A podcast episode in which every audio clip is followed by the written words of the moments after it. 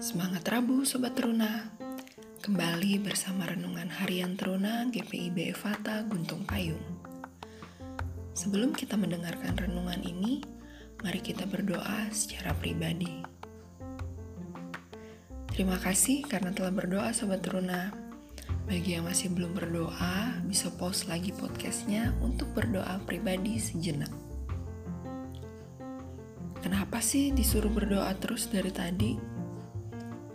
Karena renungan hari ini berjudul Tetaplah Berdoa yang terambil dari kitab 1 Tesalonika 5 ayat 17. Sobat Teruna, pasti pernah mendengar bahwa doa adalah nafas hidup orang percaya, bukan? Yes, saat berdoa adalah waktu kita untuk berkomunikasi dengan Allah Bapa kita. Di dalam doa itu, kita tidak hanya berbicara, tetapi juga mendengarkan Allah. Jika diibaratkan relasi kita dengan orang lain, doa itu seperti ngobrol. Adakah sobat teruna yang tahan tidak ngobrol sehari saja dengan orang lain? Pasti rasanya tidak nyaman ya kalau tidak ada ngobrol dengan orang lain. Walaupun mungkin kita adalah tipe orang yang sedikit berbicara, namun, pasti kita ada keinginan untuk ngobrol dengan hanya mendengarkan orang lain berbicara. Sobat teruna, saat berdoa, kita tidak hanya menyampaikan permintaan dan harapan kita.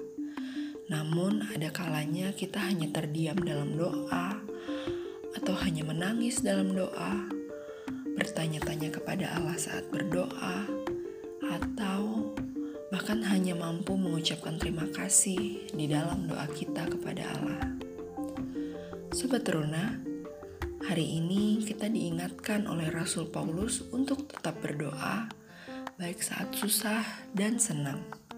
Saat senang, doa mengajarkan kita untuk tetap rendah hati bahwa kesenangan itu berasal dari Allah. Dan saat susah, Berdoa dapat menguatkan kita untuk tetap berpengharapan penuh kepada Allah. Sobat teruna, yuk tetap berdoa. Berdoa tidak hanya untuk diri sendiri, tetapi juga untuk orang tua, keluarga kita, para guru, gereja kita, dan bangsa dan negara, serta orang-orang lain yang membutuhkan doa kita. Sobat teruna, Mari kita berdoa.